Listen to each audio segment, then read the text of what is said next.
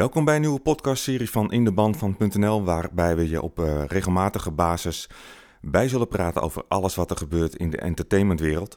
Zo was het afgelopen eh, week, uh, was er aandacht voor Jeff Bridges. Hij leek zijn comeback te maken als The Dude, heeft hij ook inderdaad gedaan, maar het werd helaas geen remake van The Big Lebowski of een vervolger op, maar slechts een commercial. Ook werd de comeback van Falls uh, grootscheeps aangekondigd. Echter uh, bleek het muzikaal toch enigszins tegen te vallen. En we hebben afscheid moeten nemen van James Ingram al op 66-jarige leeftijd. Jussie Smollett, de ster van Empire, werd uh, op straat aangevallen. mensen met een homofobie vielen hem aan. Gelukkig heeft hij kunnen herstellen van al zijn verwondingen.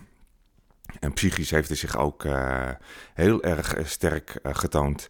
En hoopt natuurlijk dat de daders gepakt worden.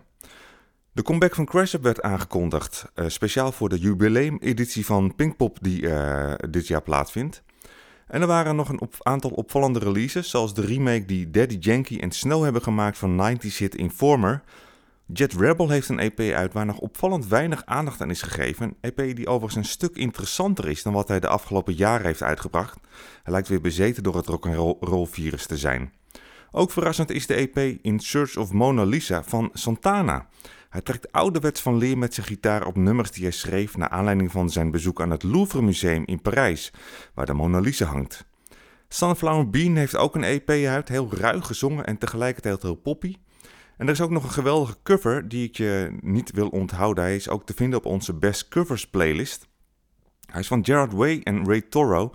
Het is een geweldige cover van Hazy Shade of Winter. Ook gecoverd door de Bengals en origineel natuurlijk van Simon Garfunkel. Op onze website kun je een artikel lezen over de Damn Truth over het uh, nummer Devilish Folk. Ze hebben een video bijgemaakt die aandacht geeft aan de vele kinderen die in de straten van Montreal rondzwerven. Maar liefst twee jaar is aan de video gewerkt, zeker de moeite waard om daar even naar te kijken. En dan hebben wij op woensdag altijd een radioprogramma. Een van de nummers die we daarin eh, deze week zullen draaien is uh, van Glenn Campbell, de country cowboy die ons onlangs ontvallen is. Hij heeft ook demo's ingezongen voor Elvis, waarvan onlangs een album is uitgebracht. En uh, bij een van die nummers, Spinout, is een remix gemaakt waarmee zijn platenmaatschappij op de Elvis Junkie XL Tour gaat. Graag roep ik ook nog even de held van de week uit. Dat is toch wel Roger Waters die zijn privévliegtuig uitleende om een moeder te renigen met haar ontvoerde kinderen. En ook heeft hij gevraagd Maroon 5 te knielen tijdens een Super Bowl optreden, net zoals Colin Kaepernick dat deed. Twee artiesten die wel een held kunnen gebruiken zijn Chesto en Mariah Carey. Ze zijn bedreigd door de IS vanwege een concert dat ze in Saoedi-Arabië uh, geven.